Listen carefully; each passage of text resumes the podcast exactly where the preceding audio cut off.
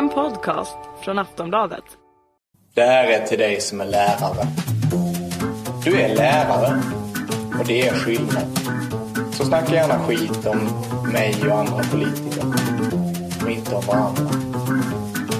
Tack för ditt arbete. We don't need no education.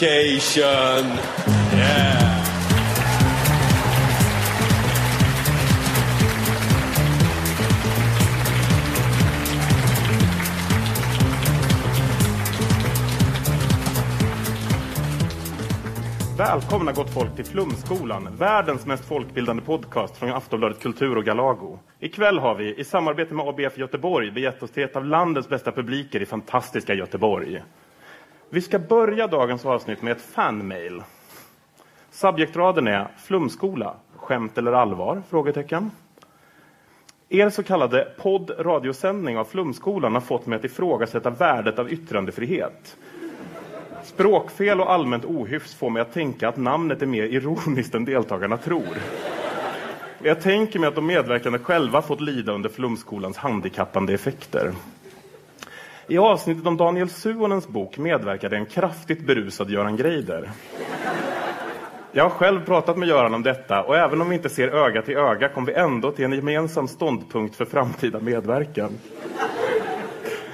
Nu vill jag att även ni tar kraftigt avstånd från rusdryckens förslavande effekt. Berusning är ett problem vi måste ta tag med i vårt samhälle. På er tid gick det kanske bra att dricka sig redlöst full i skolan. Men nu är flumskolans dagar över och vi försöker rädda ett land från kollaps genom att lära våra barn att ta hand om sig själva. Lära sig riktig kunskap och arbeta. Avsnittet om kommunpolitiken och sossen Lennart Holmlund var däremot hejdlöst roligt. Ni satte allt dit honom fint och den socialdemokratiska flumregimen som tyvärr visat sitt ansikte igen. Jag tänker såklart på debatten om Försvarsmaktens deltagande på nationaldagen i Umeå som väckt sådant rabalder. Jag tror det är dags för er att göra ett till avsnitt om korkade sossar i Umeå. Allt som allt en trevlig poddradio. Jag kan garantera brevskrivaren att kvällens panel garanterat kommer få lida under Flumskolans handikappande effekter. Med oss ikväll har vi nämligen inga mindre än, hon är skribent och redaktör för magasinet Hunger, det är Ina Lundström.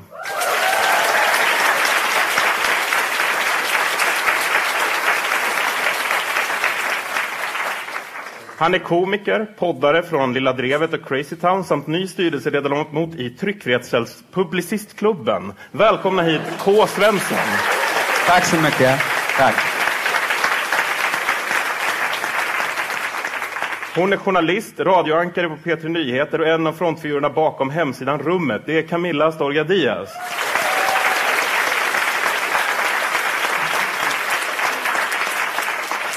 Och jag, förhörsledare, förläggare och föredöme här i Flumskolan är som vanligt Johannes Klenell.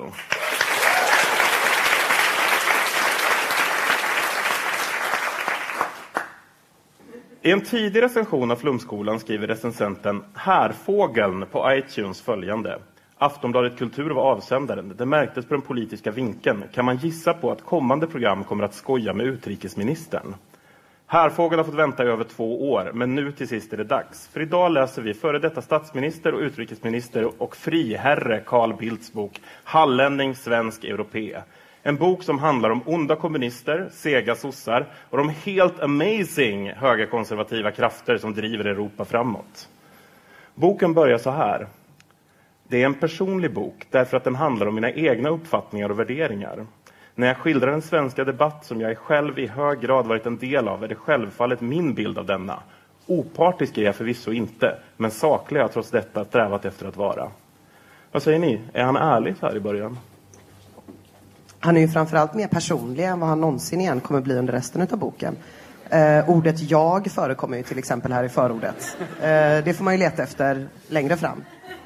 Ja, och vi pratade ju innan om att alltså, den är, det är ju lite en bok som är utklädd till självbiografi. Men den är skriven i början av 90-talet. Det är ju så tydligt en, liksom in, ett inlägg i EG-debatten och inte alls särskilt... Man, får, man kommer inte in på skinnet på Carl Bildt på något sätt egentligen. Alltså jag tänker att han ändå försöker vara lite personlig men hela tiden liksom väjer lite för fort.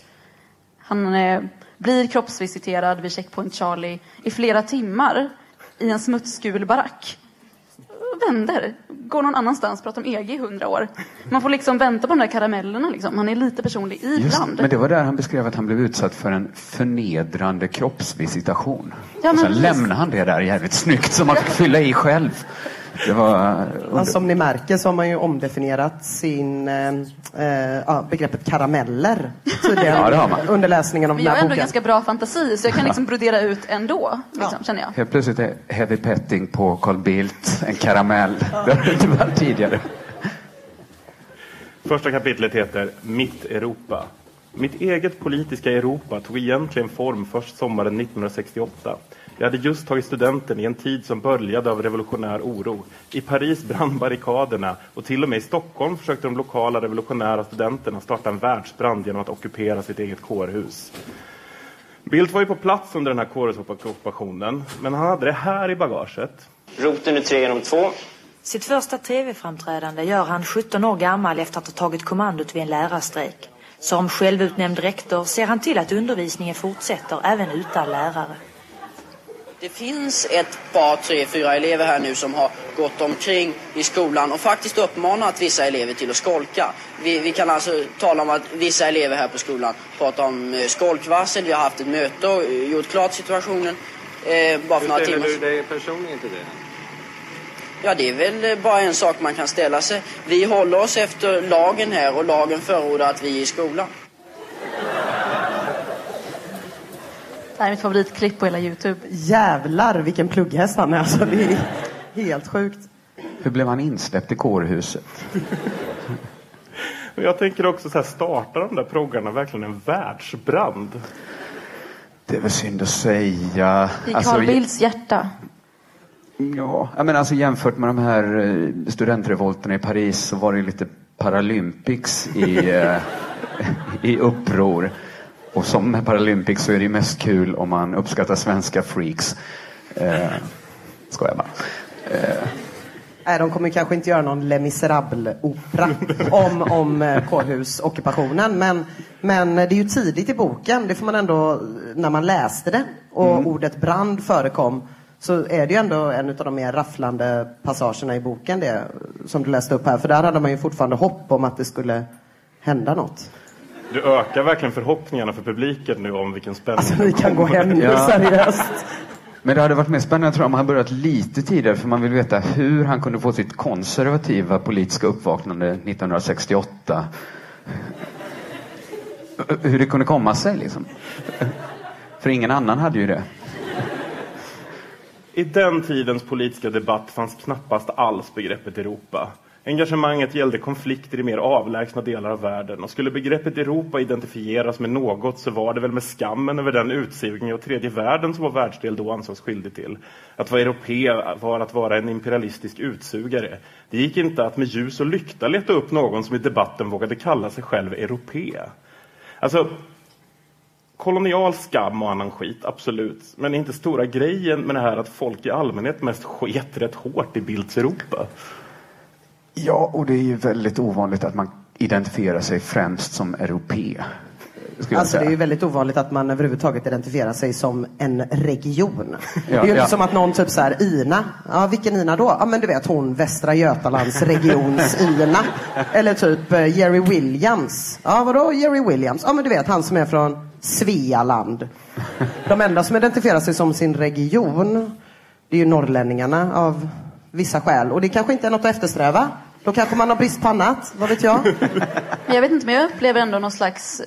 Carl Bildt kämpar lite med att han är från Europa. Är det inte det boken handlar om? Inte för att så här, spoila allt för alla som sitter här. Men han, han nämner ju så här, ah, Kina, Latinamerika, det. Ja, men ingen pratar ju om att Sverige ligger i Europa. Att han liksom hela tiden vill vara en kontinent. Att han liksom kämpar med sitt liksom men lite grann som när han pratar om Portugal och Spanien. Att de säger, ja men i Spanien är de hetlevrade. Men i Portugal så är de lite långsammare och dansar vad det nu var till någon konstig ballad. Eh, det är också ett, en av få känslomässiga bitar i boken. Ja, det skulle jag säga. Eh, Men hela boken är kanske liksom en berättelse om varför han stannar så här på hallänning, svensk, europé varför han inte fortsätter. varför han stannar just där. Men det är ju för att Varför det inte blir- identiteten på något sätt liksom inte kommer vidare därifrån. Han får liksom ingen, inget gehör. Han kommer aldrig släppa boken som är så kille på Vintergatan. Men är det inte så att de som vill identifiera sig som en region då i första hand är de människorna som liksom egentligen inte tillhör den regionen? För att återgå till Norrland då, så liksom de har ju blivit historiskt sett extremt pissade på av Sverige i övrigt. Och liksom Sverige hänger ju ändå faktiskt betydligt mycket mer landsvägs ihop med Ryssland än med resten av Europa. Och Då finns det kanske ett lite större behov av att definiera sig själv som europé. Om man vill bort därifrån i alla fall. Sen kommer ju Carl Bildt från en gammal så här, stormaktskrigarsläkt också. Och det kanske är, det finns en viss längtan efter lite pang-pang. Men jag älskar ändå att han har liksom fingret i luften och bara Vilnius. Vilnius är ändå Europas mittpunkt. Man bara, ja den spaningen gjorde alla i mellanstadiet. Det, är liksom, det, den ger inte oss någonting. Inte de med Vilnius heller. Bildt ger sig ut och reser med sin kompis Staffan Hildebrand. Staffan och jag hade av skäl som inte är lätta att i efterhand utreda lyckats bli extra reportrar på radions familjeredaktion. Och i en tid när alla ansågs ha rätt att syssla med allt var det kanske inte så konstigt att två unga killar sändes iväg av familjeredaktionen på radion för att rapportera från kontrarevolutionen i Centraleuropa. Alltså vad är det för familjeredaktion de är på? Nej, men det här tyckte jag faktiskt var intressant på riktigt. För Staffan Hildebrandt är ju känd för en sak och det är att han är så himla dålig på att skildra unga människor på film. Om ni sett filmen G så, så- är det hans mästerprov på att visa hur dåligt man kan skildra unga människor. Och här fick man liksom en förklaring till det att hans representant bland unga människor är den killen som blev rektor när han var 17 år gammal. På Interrail. Jag kan lite snabbt eh, följa upp det med ett litet klipp här. Kommer du visa nu Staffan Hildebrands film om när Carl Bildt var kickers i visa Krakow hur det var när de i Adidas-kläder och typ röker cigg? som redaktör för elevtidningen Svep. Här tillsammans med sin vän Staffan Hildebrand. De ser som Carl exakt likadana politiker. Han var väldigt nyfiken och eh, intresserad utav eh, samhället och saker som hände runt omkring. Han tyckte också att skolan var en ganska sluten värld. Ja, för någon som liksom hyllar individualism i hela boken så känns det ju lite likartat. Ja. Men jag kan ju säga så här att eh, jag har ju pluggat till journalist och i boken Intervjuteknik av Björn Häger så finns ett helt kapitel som heter Att intervjua Carl Bildt. Det är det bästa jag har läst. Det går inte att, lä- ja, det går inte att intervjua Carl Bildt. Han är så hal. Han kan liksom inte... Pigjobb, sa du pigjobb? Nej men så är det absolut inte. Att det, finns inga frågor man kan vinkla på något sätt. Liksom. Han hatar alla frågor nästan. Men det handlar ju om att Carl Bildt egentligen drömmer om att bli journalist. Det är att det är hans enda Aha. våta dröm. Liksom. Alltså det var ju inte så, men skönt att han inte blev journalist för den här boken är ju svår att läsa. Jag tänker ändå att någonstans måste man ju kunna förmedla information på ett sätt så folk... Men behöver han inte bara en riktigt bra redaktör? Ja, det hade ju inte skadat, nej. Det hade verkligen inte Eller så får ABF gå in med mer pengar och betala folk för att läsa den helt enkelt. Ja, det är ju rimligt. Läsekrets. Men jag tyckte att det var rätt roligt det här att det hände i en tid när alla ansågs ha rätt att syssla med allt. Ja, man var adelsman. Ja, men så här, det är väl inte så jätteotroligt att någon familjeredaktion typ skulle skicka Filip och Fredrik till Afghanistan idag? Alltså, Vadå, var de Filip och Fredrik på den tiden? Va? Ja, kanske. nej, men det, det blir så orimligt den här tanken att han liksom har fått för sig att då kunde alla göra allt. Men 91 däremot, vad var det som hände då? Ja, men Carl Bildt kunde väl göra allt då för att han var ung och på tågluft med sin bästa vän. Det här är ju bästa biten av boken. Det är så rörande. Carl Bildt är så här. Här är jag i Lissabon och dricker portvin med en fadosångerska. Här är jag i Bratislava och älskar med en tatuerad änka. Det, här är liksom hans on the road. Med. Han gjorde inget Alltså, av det här. Han gjorde inget av det. Eh, Det var den boken jag trodde Men jag, jag skulle förstår läsa. precis vad du menar, för den boken har jag också läst. Mellan raderna. ja, precis. Han, Mellan han raderna är får ju överallt och gör lite saker i skymundan. Liksom. Han är på I drift. Vadå, finns det en editors cut till den här boken någonstans? Johannes? I våra huvuden. Ja. Jag har inte så smutsig hjärna så jag hittade inte den tyvärr. En studentledare jag lärt känna och som under invasionen räddat sig själv till London behövde och fick hjälp med att föra brev in och ut ur landet. Inga märkvärdigheter med storpolitikens mått mätt, men enkla budskap av hopp för människor i förtvivlan. När jag läste det här så tänkte jag lite på det, för det här är en sån klassiker bland politiker. Så här, att Bildt berättar om hur han smugglar brev från, från brev till öst. Håkan Juholt tummar lite på sanningen en gång och berättade om att han smugglat in tryckpressar över järnridån. Tror ni Lars Ohly någon gång har dragit till med en rövare om hur han smugglat ut tryckpressar ur Östeuropa? Jag tror att han lagade hål i Berlinmuren med stulna tryckpressar. Stora delar av Berlinmuren bestod tryckpressar som Lars Ohly snott. Han stod bland hamnarbetarna i Gdansk, spelade saxofon och störde deras möten. Så att Solidaritet hade kunnat starta redan 1975 när han sköt upp det. Men alltså jag känner ju också att det här med järnridån, jag ändå, trodde ändå att det liksom var ganska hårt att hålla på och smuggla in ut tryckpressar. Den här, också den här besattheten av att smuggla saker. liksom, vem bryr sig vem du smugg, vad du smugglat och hur? Och, alltså, det är ju det- liksom deras, det enda som får deras puls att gå upp det är att så här, smuggla ett brev. Bara, ja, du är 1800-talet. liksom, när folk liksom hade liksom ett brev innanför kavajen som de inte svarade på på fyra veckor utan bara rodde i sina ekor och liksom väntade på att få svara. Typ det- Den romantiken är så här, smuggla ett brev. Ja, det finns ju internet. Det var väl det som hände. 91? Nej, inte 91, men typ. Ja, Det finns ett tydligt före och efter internet. Eller det är så här Ponyexpressen och så internet. Jag tror att vi är de första efter att internet uppfanns som har läst den här boken. Jag tyckte det var otroligt svårt att ta sig igenom den med vetskapen om att det fanns en massa saker på internet jag kunde läsa istället. Ja, Jag upptäckte flygplansläge på min telefon. oh, vad smart. Jag ställde timer och flygplansläge och bara, nu ska jag läsa. Fast å andra sidan blev ju allt mer intressant än många delar av den boken. Att man så, fan vad väggen ser häftig ut just nu. En annan grej med internet är att den här, alltså han skriver ju boken som att det inte finns några andra böcker i hela världen. Han redogör för varenda jävla liten detalj. På ett så här sätt som att han tror att alla världens böcker kommer brinna upp. Och den enda som vet, enda källan till kunskap om 80-talets EG-politik, det är den här boken. Fast jag är ändå glad för jag visste ingenting om EFTA innan det här. Kanske inte någon i publiken heller vet vad det är. Eh, Men nu vet jag åtminstone, filtrerat genom Carl Bildts väldigt liksom, stålgrå författarskap. Men det är okej, för att nu vet jag åtminstone någonting. Vad är efter då? Men ett samarbete som så här, Sverige råkade halka ur fast Storbritannien var lite mesigt och typ velade sig ur det. Just det. Ja, innan? EG. Snyggt. Tack, tack.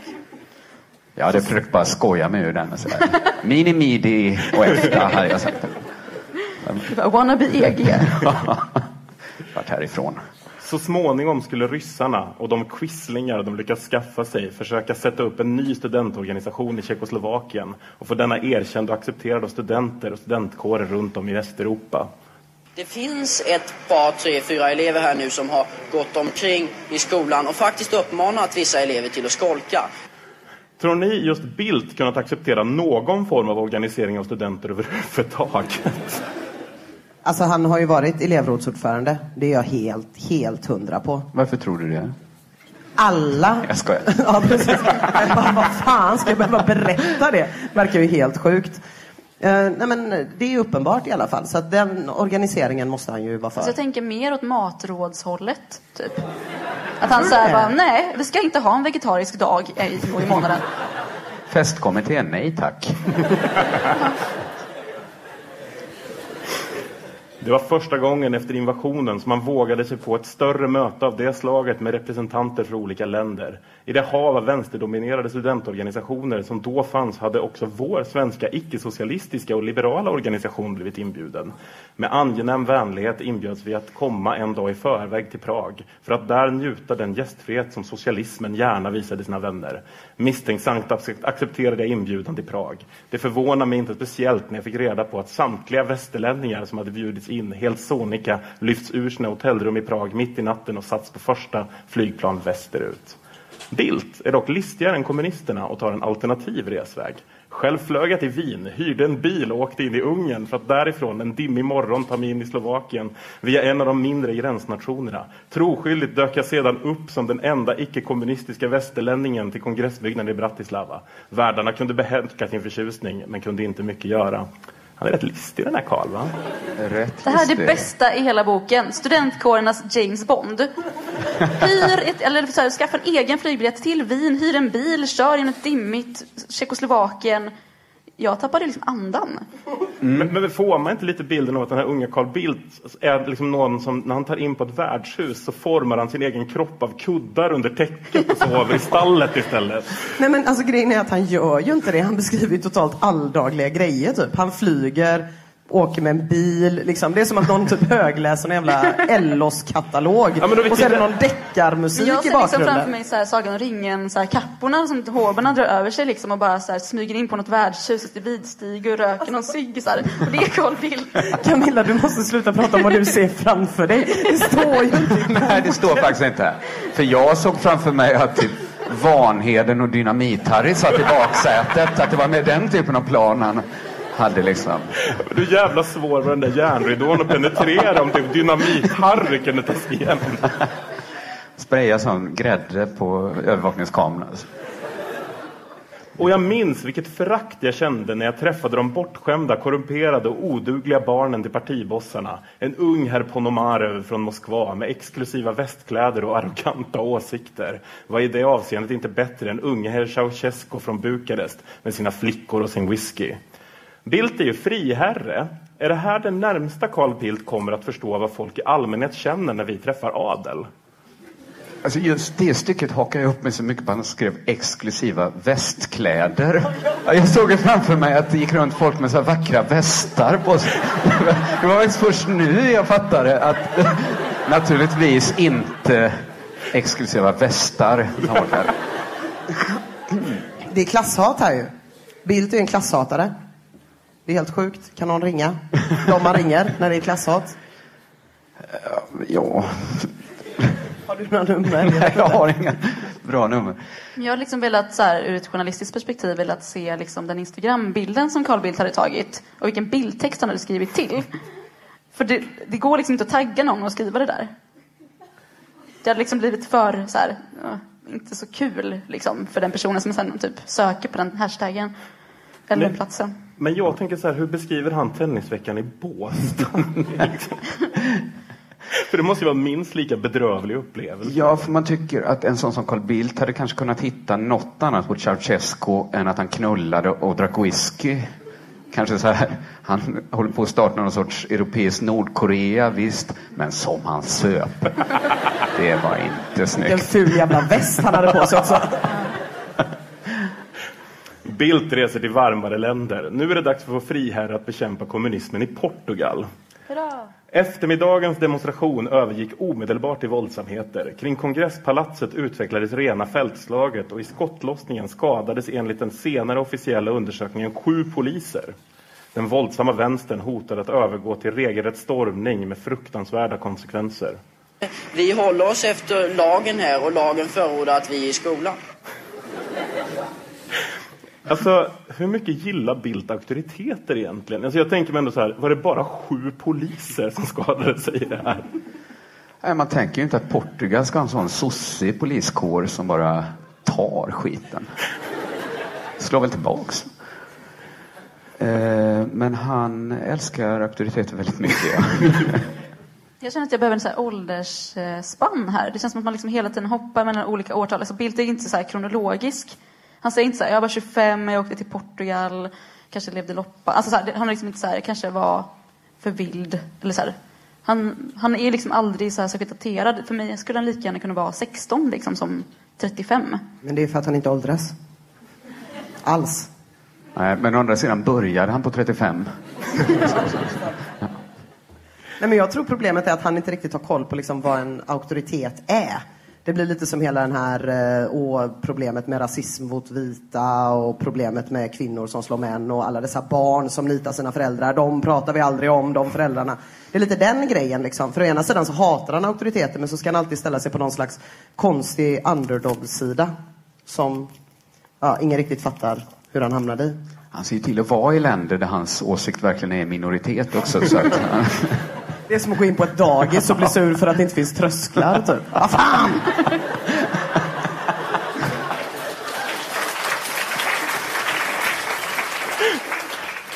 Jag fick lära mig hur det känns när kulorna stryker förbi. Jag träffades i ansiktet av kaskader av puts från en vägg bakom mig som perforerades av kulsprutekulorna. I sådana lägen är man inte nogräknad med gaturenhållningen när man kastar sig i rännstenen. Alltså, hur höger är Bildt egentligen? Om hans första tanke när han kastar sig undan kaskader av kommunistiska kulor, det är att klaga på städpersonalen. Nej, men alltså, vi, vi kan inte dissa den här grejen för mycket, för det är faktiskt en av bokens tre skämt. Eh, och det känns jävligt taskigt att gå på det. Får jag läsa upp ett annat? Ja, det finns ytterligare ett då, men det var inte så kul, så det här är det andra då. Svensk Europadebatt från det att frihandelsavtalet med EG var färdigt till mitten, till mitten av 1980-talet är värd samma omdöme som gäller elefanter på Grönland. Några spår av förekomst kan inte finnas.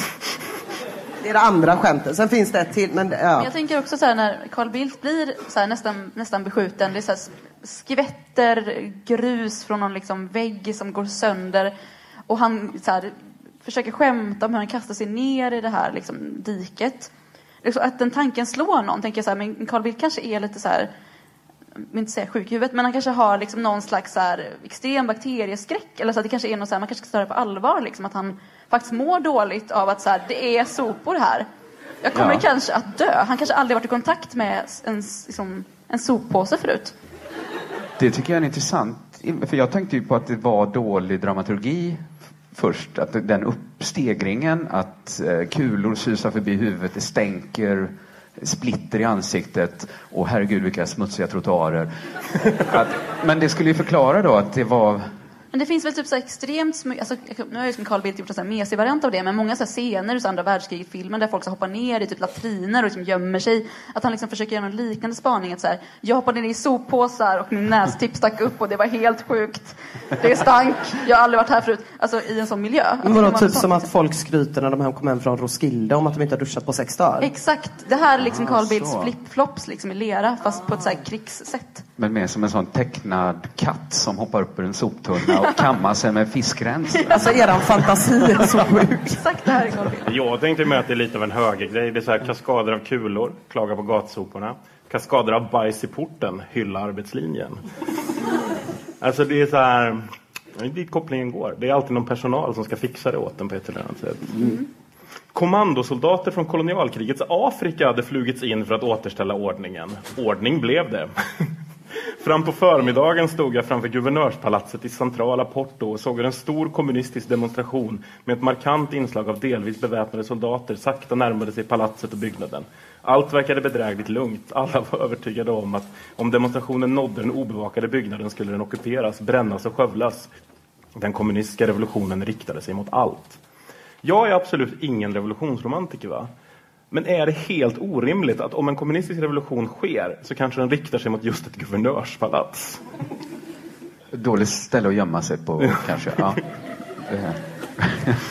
Med skrikande däck rundade en av kommandotruppernas lastbilar gathörnet, svängde upp mot demonstrationen och stannade. Soldater hoppade ner i rännstenen med kulsprutorna riktade mot demonstranterna. Medan en svart soldat sprang fram med en krita och drog ett vitt streck tvärs över gatan. Hela Porto verkade hålla andan. Ingen hade sagt något, men det rådde ingen tvekan om vad skulle hända om demonstranterna gick över det vita strecket. De stannade. Revolten i Porto var över. Alltså, jag fattar inte riktigt hur Bildt jobbar här. Är den här sortens ordning mer okej? Att det liksom kommer ett gäng så här kolonialtrupper? Det var faktiskt en svart soldat. Det skrev faktiskt Bildt. En svart soldat som drog ett vitt streck.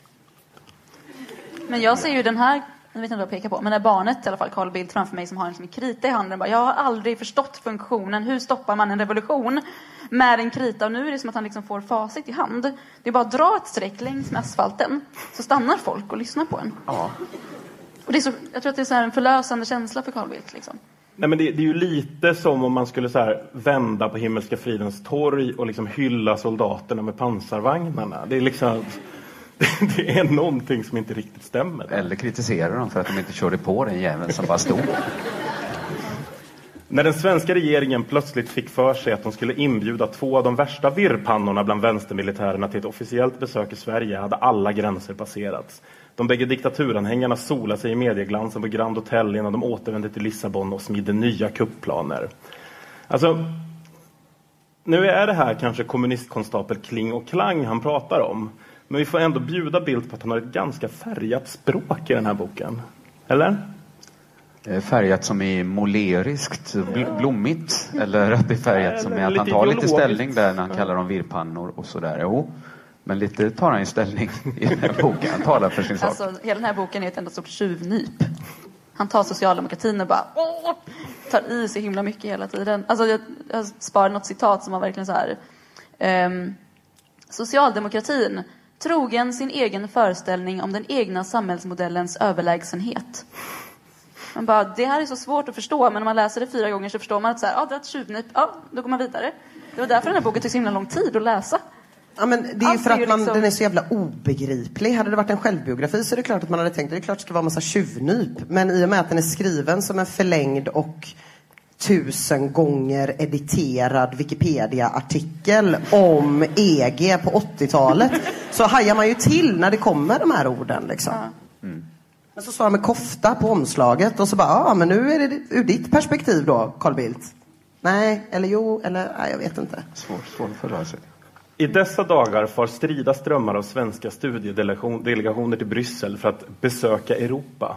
De vandrar in för att lyssna till någon föredragning i EG-kommissionens stål och betongmonster vid Rue de la Loi, avnjuter med rätta det berömda belgiska köket och konstaterar nöjt att Europa är nog trots allt bättre än sitt rykte. Att det kanske till och med skulle duga åt oss svenskar. Alltså, den här småsinta tonen, vad är det med den? Men jag får också känslan att han är, han är uppriktigt orolig för att svenskar inte ska få känna den här genuina kärleken han själv känner till Europa och Bryssels goda mat och, och allt annat underbart som finns utanför Sverige. Men min teori är ju att Europa egentligen är Carl Bildt. Genomgående i boken. Att ingen vill prata med Europa. Ingen vill eh, gå och hälsa på Europa. Ingen vill gå hem till Europa och leka. Ingen lyssnar på Europa i Sverige. Alla bara hatar Europa och sen helt plötsligt så börjar alla gilla Europa lite mer. Och när han liksom åker runt och tågluffar här med Hildebrandt och liksom jakt på Europas själ. Då är det bara den här klassiska liksom medelklass, åka till Goa, hitta sin egen själ, ungdomsgrejen typ. Fast ur en väldigt förvriden ung mans perspektiv. Ja, och genom att hälsa på hos olika militärjuntor. Så, det är Men det handlar mysigt. också om att Carl Bildt liksom tycker att så här, man ska inte ta liksom, den lätta, enkla, lära känna EU lite snabbt och lätt, eh, så här, Tinder-date. Swisha inte bara ja på EU liksom. Ta det, ta det ordentligt, hälsa på föräldrar, liksom, träffa bästa kompisen, bråka en sväng. Alltså så här, det är liksom Kanske, ja men så här, ligga i rännstenen med sopor upp till nästippen. Alltså den liksom, då lär man känna EU och Europa på riktigt liksom. Europa är vår tids stora freds och frihetsprojekt. Alla måste vi finna vårt eget Europa. Och lika lite som Rosenbad och Helgeandsholmen i Stockholm är detsamma som Sverige är kommissionsbyggnaden i Bryssel eller parlamentspalatset i Strasbourg detsamma som Europa. Jag är ju ingen Mia Törnblom, men det här med att alla måste finna sitt eget Europa. Är det som att alla måste finna sitt inre, egna så här inre barn? Nej, det är att alla måste hitta Carl Bildts inre barn. Ja, det är hans inre barn man ska hitta i Carl Bildt, inte Carl Bildts barn i sig själv. Och göda det. Ge det det det saknar. Men då måste jag ju liksom anta den här psykologtonen här nu och fråga, vad är Europa för er? Det är som att svara på vad Västra Götaland är. Liksom en samling av saker och Trollywood och Alingsås och Kinnas textilindustrier. Inte är någon slags... Vad väger en kärlek? Vad är Europa? Vad är priset på fågelsång? Det går inte riktigt att sätta pris, ord på. Det är fan inte Ryssland i alla fall. Nej, det Men håller jag jag kämpar Det är ändå jag lite med med. att så här, förstå vad det är som är Europa. med. Vad sa du? Ja, men jag kämpar lite med att veta vad det är som är Europa när Australien får vara med i Eurovision till exempel. Då, då blir jag alltså, riktigt förvirrad. Alltså, jag vet inte vad Europa är för mig. För allt är ju uppenbarligen Europa och ingenting. Det är ju som att beskriva kärlek. Det går inte. Nej. Men ganska genomgående i boken så drar han ju, alltså när man ska definiera vad någonting är så egentligen håller man ju på att definiera vad det inte är. Och det är det han skjuter hela tiden framför sig, att det han inte gillar det är ju folk som inte är europeer. Men Sverige heter nästa kapitel med ett frågetecken. Är det Men Sverige 2 eller är det det första Men Sverige? Nej, det finns ju tre Men Sverige. Aha, det här tre är det första. Många döpte sina kapitel till olika saker. Onödigt, tycker jag. När hela den spännande samverkan växte fram i efterkrigstidens Europa stod Sverige vid sidan av. Medvetet eller omedvetet kom vi att isolera oss från själva det övriga Europas utveckling. Allt detta medförde att Sverige stod främmande för betydelsen av de samarbetstankar som under samma decennier spelade en så viktig roll i det övriga Europas utveckling. Det som för andra nationer framstod som en tvingande nödvändighet för att säkra freden i framtiden var för självbelåtna svenska politiker ett störande inslag. Han pratar om sossarna här va? Tror det. Han tycker att de är sådana töntar va? Han gillar inte sossar. Men alltså, hur cool är Carl Bildt? Liksom, I sitt eget tycke. Ja, men han jämför sig också med svenska socialdemokrater så att det blir lite missvisande om han skulle framstå som lite cool nu. Så får man vikta ner han lite. Så. Ja, men liksom, säg, säg en cool sosse. Nej. Ingen. Ja, men han hackar ju en hel del på den svenska neutraliteten här och hur EU tvingades fram i kriget. Alltså, hur besviken är han på Sverige för att inte vi är med och pangar? Men det är ju sjukt oeuropeiskt att inte kriga. Vad i helvete? Ja, absolut. Och han gillar ju inte riktigt den svenska neutraliteten. Eh, Så det är väl en sån klassisk typ såhär, jag fick inte vara med när det var coolt. Typ man går ut från ett rum och så händer någonting häftigt när man är borta. Så är ju Carl Bildt, han åker liksom runt och letar Hey, I'm Ryan Reynolds. Recently, I asked Mint Mobile's legal team if big wireless companies are allowed to raise prices due to inflation. They said yes. And then when I asked if raising prices technically violates those onerous two year contracts, they said, What the f are you talking about, you insane Hollywood ass? F- So to recap, we're cutting the price of Mint Unlimited from $30 a month to just $15 a month. Give it a try at mintmobile.com slash switch. $45 upfront for three months plus taxes and fees. Promo rate for new customers for limited time. Unlimited more than 40 gigabytes per month. Slows. Full terms at mintmobile.com. efter krig. Och när det väl inte är det, då, alltså han missar ett krig. Det är lite så här, ja, FOMO kallas för det. I slutet av 1960 och början av 1970-talet blåste istället vänstervindarna starka genom den politiska debatten. Kapitalism var ett flitigt använt skällsord. Marknadsekonomi, någon som ingen vågade tala om. Och socialism var fortfarande föremål för ömma känslor och heta strävanden inom vänstern i vid mening. Sverige stod mitt uppe i något som senare skulle visa sig vara den socialistiska tankens sista sommar i den västliga politiken, politiska utvecklingen. Alltså, hur menar Carl Bildt att socialism fortfarande var något vänstern hade ömma känslor för på 60-talet? När slutade den med det? Eller på 70-talet när borgarna regerade. Att det skulle vara så himla mycket eh, vänster i Sverige då. Eh, rent politiskt. Men för det, är en ganska eh, liksom, intressant sak att han, när det gick bra i Sverige, när ekonomin gick bra på, på, fram till 60-talet någon gång, då hade sossarna ingen del i det. Ingenting. Det hade ingenting med saken att göra. Sen när borgarna regerade på 70-talet och det gick dåligt för Sverige, då var det bara sossarnas fel. För att vi inte hade gått med i EG. Eller vad de kallade det på den tiden. Det, det, är, det är inte så mycket personligt ansvar för att vara moderat. Om folkhemmet hade varit så gott som färdigbyggt i slutet av 1950-talet framstod klassamhället som närmast, närmast återuppståndet i den senaste 1960-talets politiska debatt. Därmed kom den tidigare så vanliga bilden av Sverige som det klart lysande föredömet för alla andra samhällsutvecklingar att flagna betänkligt. Den inrikespolitiska självöverskattningen hade nu ersatts av en ty ännu tydligare utrikespolitisk hybris. På samma sätt som den inrikespolitiska uppblåstheten ett decennium tidigare lagt distans mellan Sverige och det övriga Europa med dess mer primitiva sociala organisation var det nu den aktiva utrikespolitiska neutralismen som ökade avståndet mellan Sverige och de övriga europeiska demokratierna. Sen vill jag bara säga det till dig Göran, att eh, jag tror att jag arbetar mera med människor som har varit i svåra situationer än vad du har. Det har jag nog. Jag tror inte riktigt att du vet djupet av det elände som kan drabbas. Och när jag har jobbat med sådana människor, också i andra länder, så handlar det väldigt mycket om att ge ett jobb, att ge värdighet, att ge dem möjlighet att utvecklas. Berätta gärna för mig, Carl Bildt, om den stora fina världen.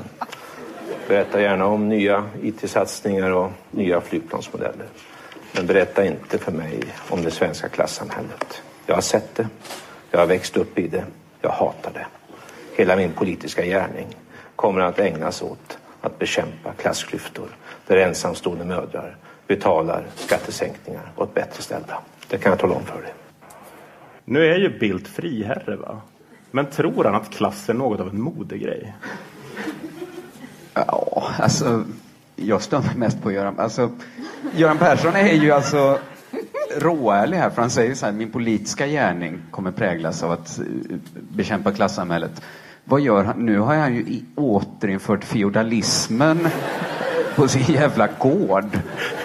Eh, så på sitt, visst, han har ju också bekämpat klassamhället med att göra det förindustriellt och några hektar i Sörmland. Men, Jag kan verkligen fatta att Carl Bildt tror att klass är en modegrej. Mm. Eller så här normkår, liksom. När Carl Bildt läser om det i Metro så bara oj, nu är det inne att vara arbetarklass. Jaha, Jaha vad, det är ju inte jag. Alltså det måste vara väldigt så här, en väldigt skärrande upplevelse liksom, att hela tiden aldrig passa in. Liksom. Det kanske är det att han själv känner att han inte passar in och känner sig lite ute. Så tänker han att det är för att det är så inne att vara arbetarklass. Mm. Då. Aldrig får det vara inne att vara adel. Ja, precis. När är det vår tur? Starta en hashtag. Jag blir typ politiskt deprimerad eftersom att jag blir så här nostalgisk av att lyssna på det här. Och bara åh, vad roligt det var förr i de politiska debatterna när inte folk höll på med typ så här gamla kolbitar och typ var äldre än vad jag var, eh, Annie Lööf. Utan eh, man bara, ah, det var typ gamla gubbar som bara sa helt brända saker till varandra och tog av sig glasögonen. Det, ja, jag blev nostalgisk och det är ju synd. Till dessa mer inrikespolitiska aspekter kom så de utrikespolitiska. Det anfördes som ett starkt argument mot medlemskap att Sveriges förtroendefulla förhållande till Demokratiska republiken Vietnam under sådana förhållanden knappast skulle kunna upprätthållas. Prioriteringen av vilka länder som Sverige borde ha förtroendefulla relationer med var således klar. I valet mellan Hanoi och Europa var det Europa som fick ge vika. Alltså, har liksom inte Bildt fattat att vi bor i Europa? Nej, och jag vet inte hur ledsna Tyskland är för att vi inte startar någon pappersfabrik eller vad fan vi gjorde i Vietnam. Jag tror de klarar sig ändå. Alltså, Carl Även om vi prioriterade bort Tyskland. Carl Bildt åkte liksom aldrig dit så han fick liksom ingen relation till personerna där. Han var liksom så upptagen med att tågruffa liksom Bratislava, Prag, liksom Porto. Att han liksom fastnade här så att det var liksom så här någonstans så bara men sluta engagera er så långt bort. Mina vänner ligger ju, liksom bor ju här, liksom närmre. Vadå, så du tänker att boken, om han bara hade tagit ett annat interrail-pass, hade det kunnat heta Hallänning svensk ja, vietnames? Ja, Ja men lite så faktiskt. men jag, jag tänkte faktiskt på det för att Palme och Carl Bildt kommer ju från ungefär samma liksom, ställe. Eh, och Palme fick ju sitt politiska uppvaknande genom att åka runt bland fattiga i USA. Mm. Alltså Carl Bildt råkar ju bara ta en annan resa. Men hade liksom någon chartrat en motorcykel och bara åker Che Guevaras fotspår till Carl Bildt utan att så här avslöja att det var Che Guevaras fotspår liksom. Då hade han ju verkligen fått ett annat uppvaknande tror jag och liksom kanske varit mer engagerad i andra saker än just typ så här Europa.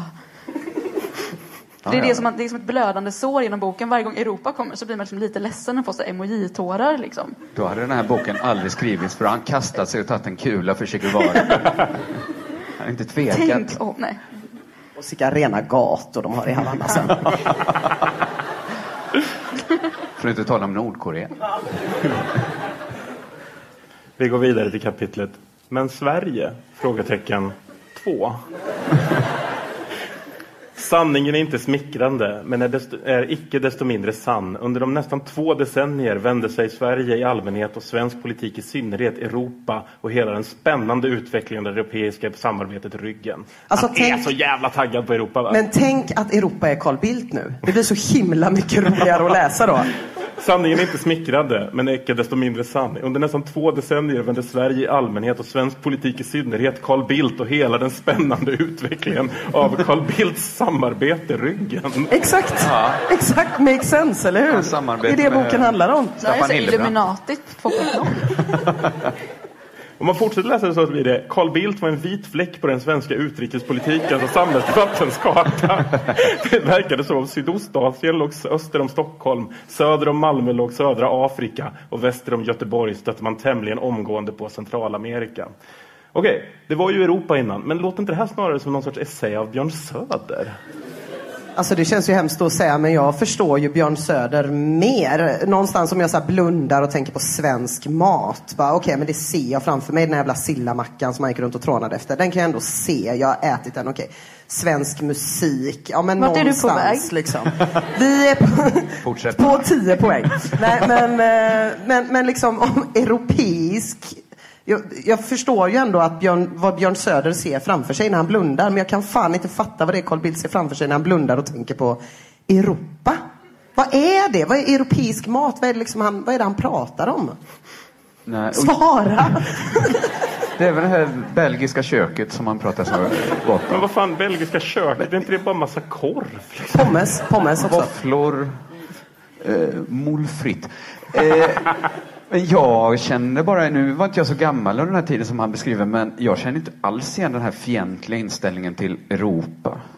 Alltså, det var väl snarare så att folk på 70-talet levde jag inte då, men då åkte ju folk inte till Thailand och New York och så. Då var det ju bara Europa som gällde om man skulle resa utomlands. Eh, så, så, så jag, stämmer det här ens? Att folk hatade Europa på Men jag känner 70-talet? att så här, hur ska jag få reda på det? Jo, jag har läst en bok om det här av Carl Bildt som uppenbarligen liksom Men det är någon noga åkt runt till alla dåliga ställen i Europa. Men, men, men Camilla, det kan ju inte finnas någon människa i hela världen som bara läste en bok och det är hallänning, svensk, europé. Men om 2000 år, när den här boken är den enda som finns. Eh, nej, men nej, det är klart att jag har läst fler böcker. jag menar inte dig. nej, nej. Nej, men det jag menar är i alla fall att alltså, det finns ju, alltså, det är som att Carl Bildt inte har förstått att så här, gränsdragningen Europa slash då Afrika eller annan kontinent är en gräns som har skapats av människor. Det är som att han liksom är kränkt över att så här, jag, han letar själv efter var gränsen går någonstans. Han undrar liksom varför vi inte älskar varandra utanför Sveriges gränser liksom, gentemot resten av Europa. Liksom. Men vem, vem bryr sig? Alltså, vem är liksom engagerad i Carl Bildts så här, kärlek till en övrig kontinent? Alltså, jag gör inte det. Ja men han kräver, det är ju för att han ställer så orimliga krav på våran kärlek. Det räcker ju inte att vi åker och bilar och käkar målfritt. Nej. Det räcker inte att vi kollar på Eurovision. Vi måste liksom älska med hjärtat typ. Och det är fan omöjligt att göra eftersom att vilka länder som ingår i Europa, det byt, byts ju liksom. Det är, Ja, det är mycket begärt att man ska älska Europa. Varför, varför det är ett krav att älska Europa? ja, men på hans sjuka sätt också. Ja. Det var uppbrottets vår i Europa och en dag måste denna vår komma också till Sverige. Andra kanske hade avskrivit den europeiska drömmen för sin del, men det hade inte jag. Det europeiska uppbrottet i mitten av 1980-talet märktes inte bara i diskussioner om handelsrelationer och marknadsförutsättningar. Det här är det bästa i hela boken. Själva begreppet Europa började också plötsligt att dyka upp i det ena sammanhanget efter det andra på ett sätt som visade att Europa sakta men säkert hade påbörjat sin återkomst i vårt medvetande. Europa höll på att bli inne. Vi började läsa och debattera centraleuropeiska författare som Milan Kundera och György Konrad. Vi lyssnade på popgrupper som Europe och Eurythmics. alltså, är verkligen Key Marcello och Joey Tempest ett argument för intåget i en europeisk handelsunion? Men det här är så jävla bra. För han resonerar ju exakt som den här personen som eh, röker ganska mycket hash och är 19 år och precis har läst någon eh, A-kurs i något så här extremt eh, poststrukturalistiskt ämne. Och plötsligt tror att typ en låt som går på radio kan beskriva exakt hur hela samhället hänger ihop. Liksom. Den personen är Carl Bildt här helt plötsligt, vilket känns så jävla oväntat och uppfriskande. Och då tog han en låt som handlar om att resa till Venus. Fick uttrycka hans idé om att åka Alltså till jag, Strasbourg. jag blir lite kallsvettig nu när jag inser att Carl Bildt kanske gick på en musikal förra året som skrevs av The Knife. Europa, Europa. Och kan du liksom tänka er liksom det leendet som måste ha sträckt sig från öra till öra. När han bara, de förstår mig. De Det sjunger om någonting. Nu är man inne igen. Och sen började de... Hörde jag Europa? Varje gång han ser en Euroshopper-produkt blir han helt till sig typ. Vad hände med dem? Euroshopper? Nej men det finns. Om inte Carl Bildt har köpt alla. Ja, om inte han har köpt alla ja. Han har köpt allt. Eh, vi kopplade av till Staffan Schejas och Björn Jison Linds Spirit of Europe. Vi njöt av Arja Saijonmaa när hon sjöng om att leva, älska och sjunga i Europa. Det var uppenbart för var och en med förmåga att tolka tidens små tecken att någonting stort höll på att bryta fram. Samtidstolkaren Bildt. Mannen med fingret i luften. Mm. Socialdemokrater ville ständigt stänga dörren till framtiden. Medan jag och andra ville hålla den öppen i enlighet med riksdagens beslut. Den måste stå öppen. Därför att en dag skulle Sverige stiga in genom den.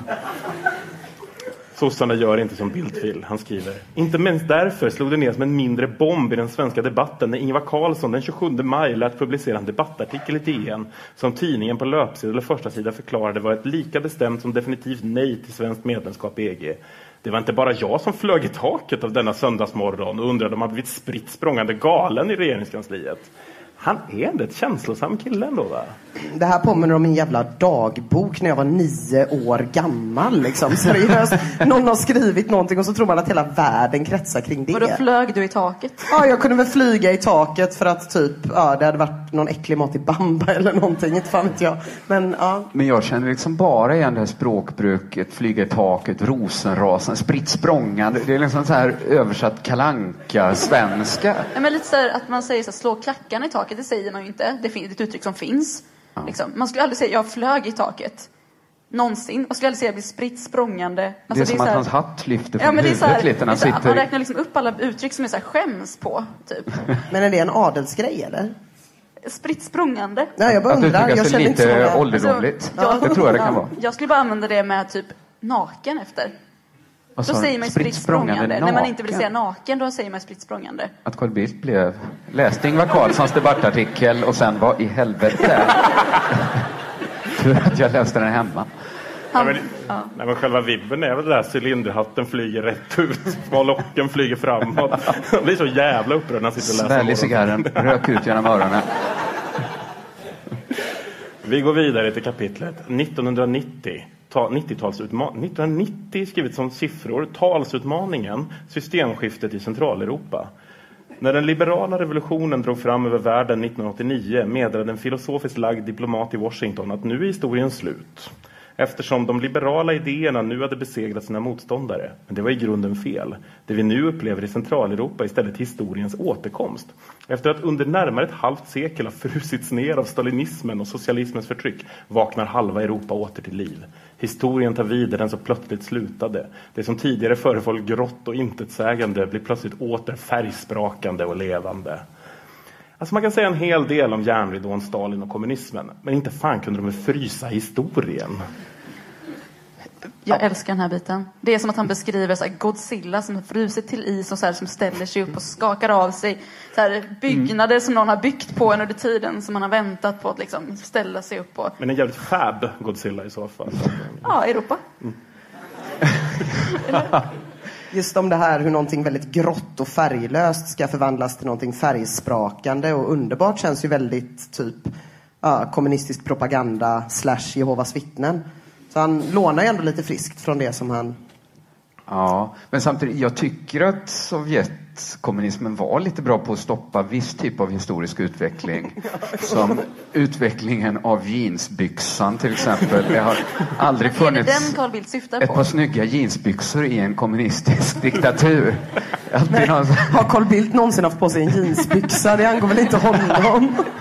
Jag ser bara framför mig någon Jeppe med, med Cylinderhattarna jeansbyxor och som skaver i, i armhålorna. Snygga cowboybyxor, Piotr.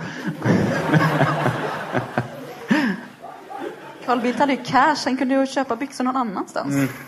Man behöver inte åka till Tjeckoslovakien för att köpa alla sina kläder. nej. Innan murens fall i alla fall.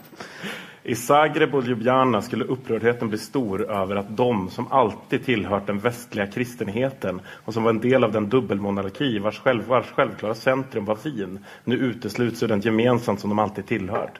Särskilt, säkert finns det många ungrare och schwaber i Transylvanien som ser sig själva som något av inkarnationen av Centraleuropa där man slagit vakt om västlig kultur mot östligt barbari.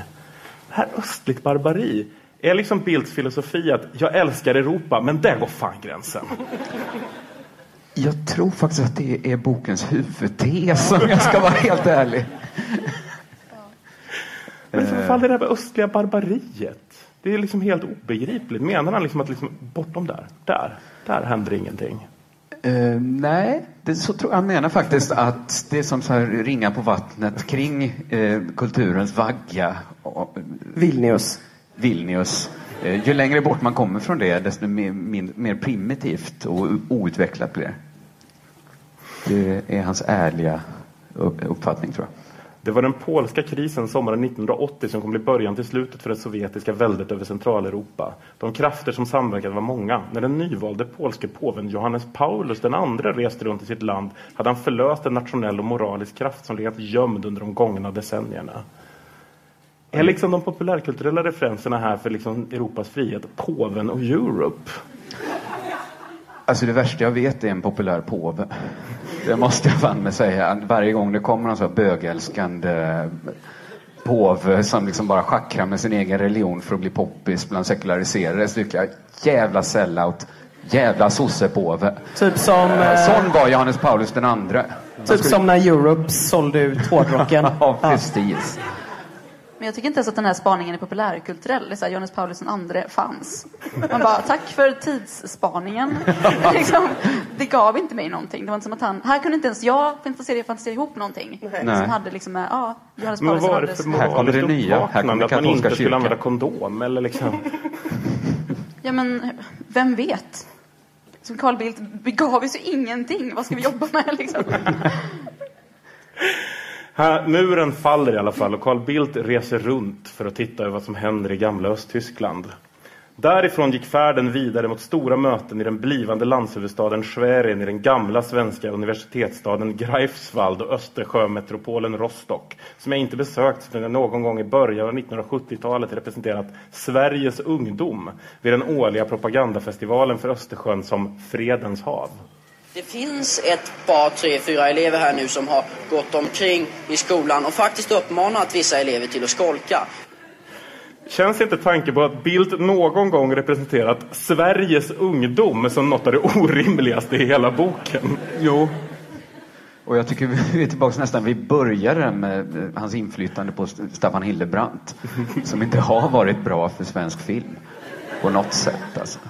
Jag kan ändå på ett sätt känna att jag ångrar att mina föräldrar träffades när de träffades, att de inte gjorde det tidigare, fast det, ja, ni förstår vad jag menar. Jag hade velat födas tidigare, så man hade kunnat på något sätt ändå liksom lära känna Carl Bildt på håll när man var 16-17 liksom. Alltså, inte på ett Eh, sånt sätt. är det någon slags mercyfax som hänger i luften här? Nej. Eller? Nej. Utan mer som att man så här, det, jag tänker att det var där allting började. Det så här, det är innan så här, en, alltså, en historisk liksom, utveckling. Det är innan den här boken började skrivas. Liksom, det var då någonting hände. Det var då liksom, så här, fröet till den här personen liksom, som var någon slags elevkårsrektor fast han liksom var barn. Man hade liksom velat här, någonstans få reda på vad det var som hände. Liksom. Var det att någon typ hånade dig för att du lånade en bok på bibblan och kallade dig för sosse och, liksom, och då Mm. började liksom en hel Ja, jag- kaskad av händelser efter Jag det. tänker att du måste liksom blicka lite framåt ändå. Så här. Man kan ju bli så lätt att bli nostalgisk. Du kan ju bara gå in på random elevråd och bara, hej, får jag prata med ordföranden lite? Fråga dem varför de är elevrådsordförande. Så tror jag att du har en viktig nyckel till vad, vad som händer Carl Bildt. Vad menar du? Jag menar, tänk att man är 14 år. Och eh, jag tänker att vissa saker är ganska rimliga att vilja göra och, och, och bli när man är 14. Elevrådsordförande är kanske inte det. Då kanske man eh, blir en väldigt annorlunda typ av människa. Jag var det. Jag Ja, tänkte precis exakt. säga det, så vet man vilken den här gruppen Inte alla elevrådsordförande. Nej. Men är det något den här panelen hatar så är det elevrådsordförande och populära påvar, det kan jag säga. Jag var ordförande i kulturgruppen. Ja, men det är ju street. Cool. Ja, vi delade ut gratis chokladbollar på hela skolan. Sponsrade av konditorierna i stan. Det hade fan inte Carl Bildt gjort. Nej. Han hade gått och That's my plockat tillbaks chokladbollar, lämnat tillbaks till konditoriet i stan. Somliga elever respekterar inte Han mig hade som dragit ett ordningsman. streck med en chokladboll längs med hela kullerstenen så här bara. Hit, hit men inte längre. Här är Europa. Smetigt. Men Sverige, tre. Vi går efter lång tvekan med i en framgångsrik, framtidsoptimistisk och självmedveten klubb. Som alltid när man beslutar sig för att gå med i en klubb får man acceptera dess regler och de beslut som den fattat innan man blir medlem. Först när man blivit medlem kan man vara med och bestämma om den framtida utvecklingen. Genom folkomröstningen kan vi visa att vi alla är europeer och då kan vi som nation visa att vi går in i det nya samarbetet med en nation av övertygade europeer. Alltså, fattar Carl Bildt fortfarande inte att vi är europeer vare sig vi röstar eller inte på det här? Också så jävla osoft Europa hela tiden.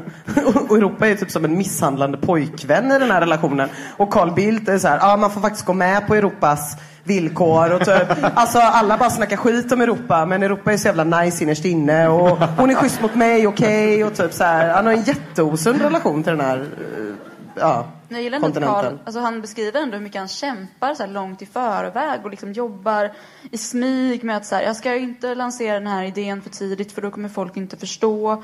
Och jag liksom, att, tänk så det är så många timmar på Carl Bildts kammare. Ja. Där han liksom har ägnat, liksom, han har ändå gråtit lite tror jag. Ja, I sin kamp för det här. Det är nog det att han fått för sig att det är något så fult att vara europe. Att han börjar i den änden liksom. För det är det ju inte riktigt som vi varit inne på. Och har nog liksom inte varit heller.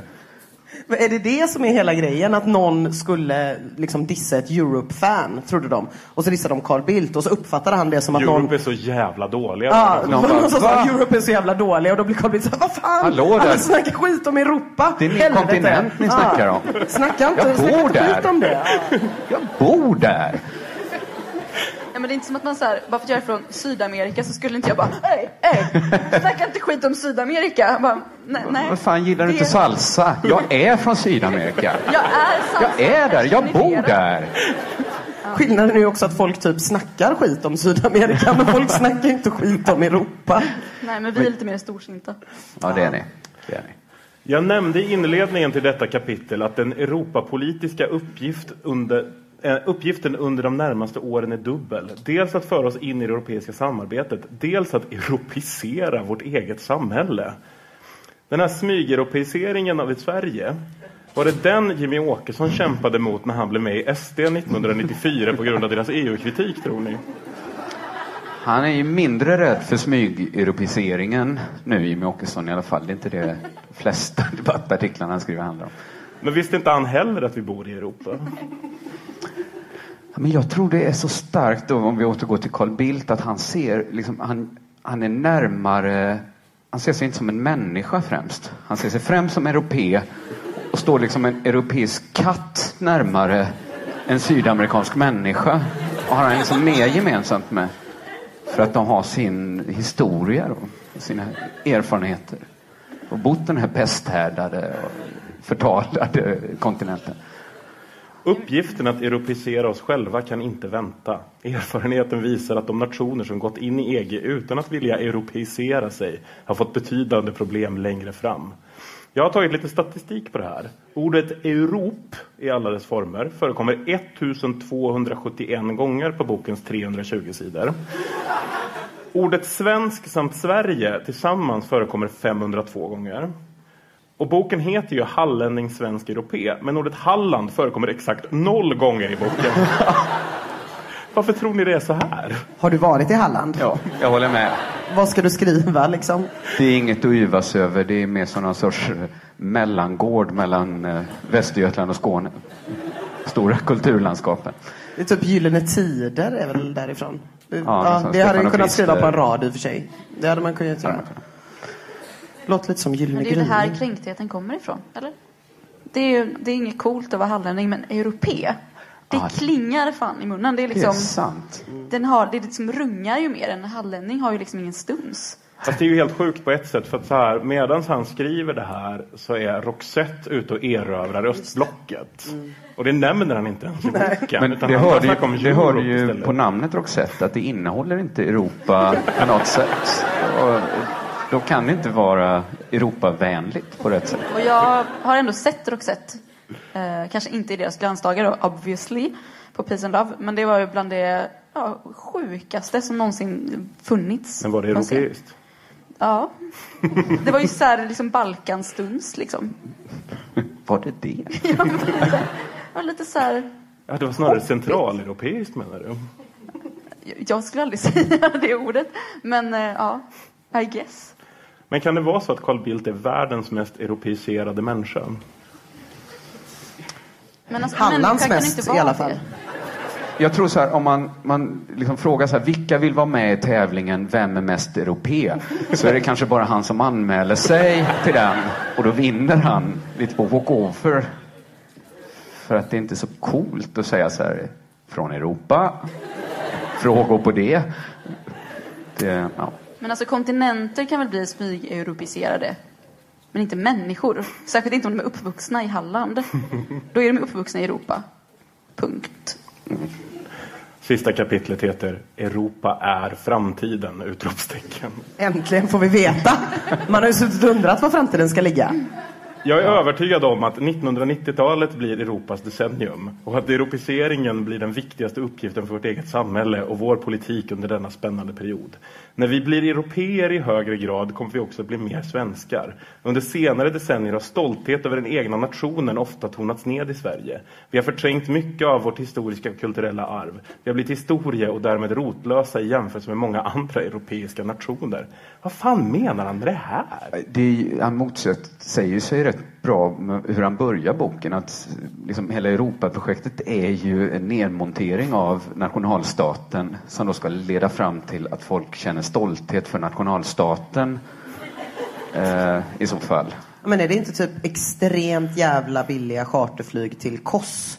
Där det finns klubbar som spelar Roxette och man kan dricka typ svensk öl. Och där de lyssnar på eurodisco. Ja, eurodisco. Är det, det är kanske det som är framtiden? Kan det ju vara, ja. Tror inte det. Vi går in i ett nära samarbete med nationer och kulturer som har en stark medvetenhet om sin egen identitet. En fransman ber inte om ursäkt för sin historia och sin kultur och förväntar sig att en svensk ska se med samma stolthet på sin bakgrund. Att vara europé innebär inte att man förtränger det nationella utan att man ser detta som en styrka i samarbetet med andra. Men alltså, menar han att vi ska dra på oss någon vikingahjälm med horn och gå runt och släpa på en falukorv för att bli mer europeiska? Eller? Alltså jag kan säga så här. Att det finns ett legacy i att vara svensk i andra språk. Till exempel på spanska. För där säger man att göra sig svensk så betyder det att man spelar dum. Och att ha på sig svenskare på sig träskor.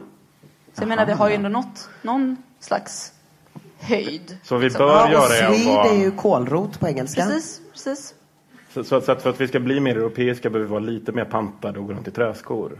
Nej, men kanske komma på något mer spexigt som har med svenskhet att göra. Något så här, vad, som mina släktingar tänker i Chile, så här, ja, men i Sverige så badar alla nakna. För det var typ det som man, de filmerna man konsumerade på typ, jag vet inte, som smugglades till diktaturen liksom. Ja, nudistfilmer från Sverige. Jag menar, det liksom, vi kan väl kämpa lite mer med liksom, ha någon trevlig export av någonting då som, kling, som gör avtryck då. Om Typ så Carl. Bildt. Ja, men till exempel. Eller träskor var ju framgångsrikt då. Carl Bildt Ja, i träskor träskor. gjorde ju avtryck liksom. Det gjorde ju det. Eh, kanske ta fram en, en riktigt fin Europatoffel där varje land får bidra med sin särart. Eh, så det blir en grej, så här, jag, jag tar på mig mina Europa nu.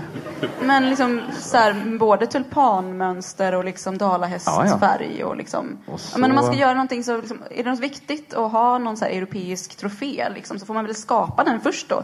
Den kommer bli så jävla ful bara. Jag börjar känna att vi börjar närma oss så glädjen över att hitta sillamacka här tror jag. Eh, så jag tror att vi går vidare. För mig har det alltid varit naturligt att vara stolt över mina halländska rötter. Om det nu är det, varför Ja, förutom i den här boken. Utan den förankring som ligger i den egna bygden klarar vi inte av den stora förändring som den europeiska utmaningen innebär. Kärleken till vår hembygd släpper vi aldrig. Men det är Europa och dess idéer som är vår, avslut, av, vår framtid. Där är boken slut. För att avsluta det här nu då.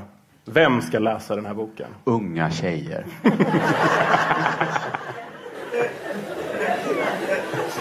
Camilla?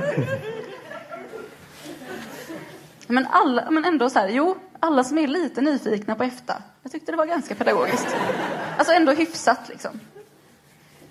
Ehm, alla som eh, är elevrådsordföranden ska läsa den här boken. Alla som vill bli elevrådsordföranden ska läsa den här boken. Alla som har varit elevrådsordföranden ska läsa den här boken. Ehm, Ja, sen skulle jag inte rekommendera någon annan förutom dem om man har internet att läsa boken. För då finns det skitmycket bra, bra grejer på internet man kan läsa. Mm. Vad har ni lärt er av att läsa den här boken då, Camilla? Men att det, så här, tålamod ändå liksom räcker ganska långt. Men jag menar, på det, helt ärligt, liksom, vi lever i en ganska digitaliserad värld. Liksom, allt pockar ju på så här, uppmärksamhet. Man kan inte lägga upp en bild. Liksom. För då tappar man koncentrationen direkt och sitter liksom och plötsligt är man på så här följer och typ så här stalkar någon så här amerikansk person liksom, som man inte ens bryr sig om. Och du pratar bara om din läsupplevelse av den här boken. Ja, nej men, nej men visst. Sen har jag väl lärt mig jättemycket om Carl Bildt. Typ som att han, ja, han kan ju inte skriva. Men han vill liksom väldigt gärna 320 sidor. Så att, eh, nej men, go Carl, liksom skriv mer, kämpa. Skaffa en redaktör, liksom. Ja. Men man har också lärt sig att Carl Bildt en gång i tiden var en ung vagabond. Drog runt i Europa. Det var ändå mysigt. Ja, det, man har ju lärt sig att det inte finns så mycket att säga om Halland. Och så har man lärt sig, ja, men det här med redaktör då, eftersom att jag, jag jobbar som det själv så kände jag ju lite med den här redaktören som har fått det här i sitt knä. För jag tänker att det har gått till så här att, att Carl Bildt liksom bara, men jag ska skriva en självbiografi. Ja, det blir så jävla snaskigt alltså. Ja, jag visst, allt ska med. Och Bonnier bara, fan vad nice, typ, nu kör vi. Plåta honom i den här bilden där han har på sig liksom en lusekofta och, och chinos. Han inte har på sig, enda bilden jag har sett på, på honom när han inte har på sig kostym. Och de bara, nu kommer vi honom riktigt nära på livet. Hallänning, svensk, europé. I Och så liksom, ja precis, så tickar det på och så dagen innan det ska gå till tryck så kommer den här då utökade Wikipedia-artikeln om EG på 80-talet och de bara, hur fan räddar vi detta? Eh, och så tänker de bara, "Nej, det går inte. Vi, vi ber honom skriva ett personligt förord. Eh, Där han skriver att han lovar att vara nyanserad och så är det ju några jävla idioter som kommer sitta i en ABF-lokal och läsa den om, om 25 år. typ så. Ja, jag har också lärt mig att Carl Bildt är den rättmäktige tronarvingen till kungadömet Europa. Han är europé i köttet och i anden och han älskar med sin fru Anna Maria Corazza Bildt så visslas EU-hymnen genom hans urinrör medan han evakuerar. För han älskar Europa.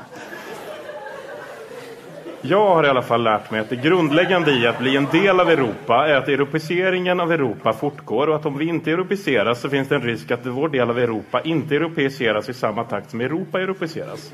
Jag har däremot inte lärt mig ett skit om Halland. I nästa Flumskolan som spelas in den första maj på Färgfabriken ska vi riktigt götta, götta ner oss i Jonas Sjöstedts deckare Sammanflöden. Kom gärna och titta då. Och gå gärna in och gilla Flumskolan på Facebook så får ni förhandsinfo om kommande datum. Med de orden vill jag tacka K. Svensson, Camilla Astorga Diaz och Ina Lundström. Ge dem en varm applåd och stort tack så mycket. Flumskolan är slut för idag.